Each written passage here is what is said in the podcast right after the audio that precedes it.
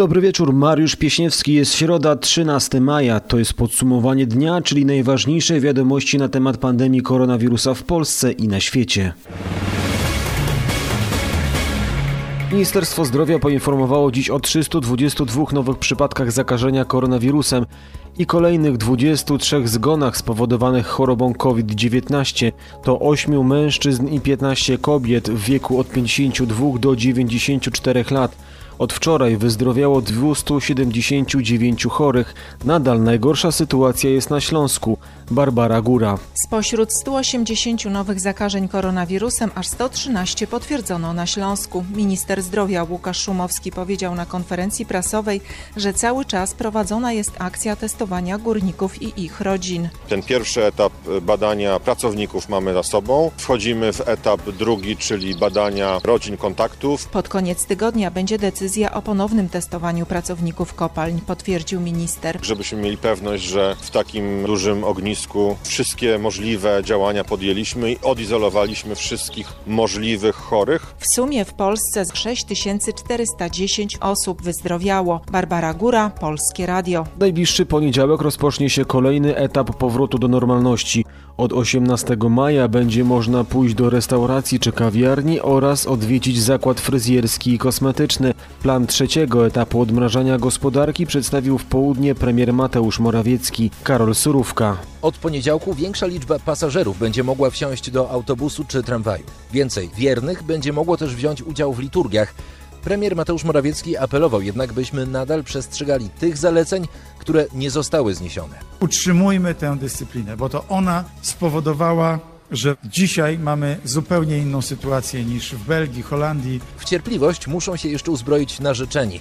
Minister zdrowia Łukasz Szumowski mówił, że organizacja wesel na razie nie będzie możliwa. Dajmy sobie trochę czasu, zobaczmy jak to funkcjonuje. Wtedy będziemy komunikowali te większe wydarzenia, większe imprezy. Na trzecim etapie odmrażania gospodarki skorzystają sportowcy. Od poniedziałku więcej zawodników będzie mogło wejść na obiekty sportowe, również do hal i sal.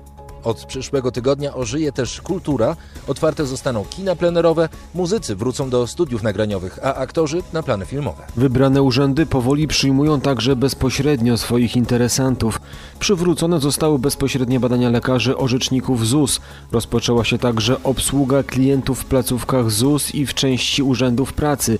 I tak bezpośrednie badania przez lekarzy orzekających przywracane są etapowo przy zachowaniu niezbędnych środków ostrożności, podkreśla rzecznik Zakładu Ubezpieczeń Społecznych Paweł Żebrowski. Ubezpieczeni są indywidualnie zawiadamiani o terminie i miejscu badania. Badania przewracamy etapowo z zachowaniem środków ostrożności. Wszelkie zasady bezpieczeństwa zachowane są również po otwarciu sal obsługi klientów w placówkach ZUS. Ministerstwo Zdrowia złożyło zawiadomienie do prokuratury w sprawie maseczek, które nie spełniają norm.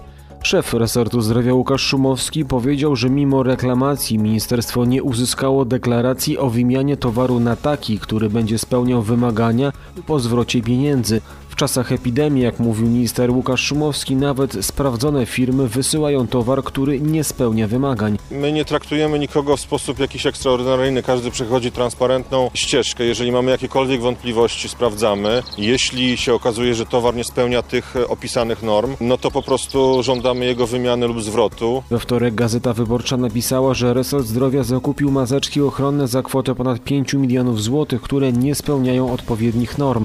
W związku z tym resort złożył reklamację i zażądał wymiany towaru lub zwrotu pieniędzy.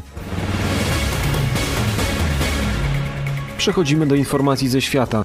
Z danych amerykańskiego Uniwersytetu Johna Hopkinsa pandemia doprowadziła do śmierci ponad 293 tysięcy ludzi na całym świecie. Zarażone zostały 4 miliony 292 tysiące, najwięcej w Stanach Zjednoczonych ponad 1 370 tysięcy, w Rosji ponad 242 tysiące. Brazylia zanotowała znaczny wzrost liczby ofiar koronawirusa. W ciągu ostatniej doby na COVID-19 zmarło tam 881 osób. Coraz trudniejsza sytuacja jest też w innych krajach Ameryki Południowej. Wojciech Cegielski.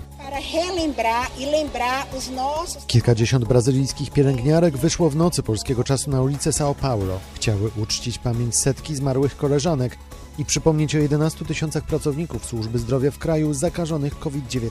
Ela vai todos os dias trabalhar. Każdego dnia idziemy do pracy i nie wiemy, czy wrócimy do domu i czy nie zostaniemy zakażeni. Covid-19. Do tej pory w Brazylii koronawirus kosztował życie 12,5 tysiąca osób. Lokalne władze zarzucają populistycznemu prezydentowi Jairowi Bolsonaro, że ten lekceważy restrykcje, a to samo robią jego zwolennicy.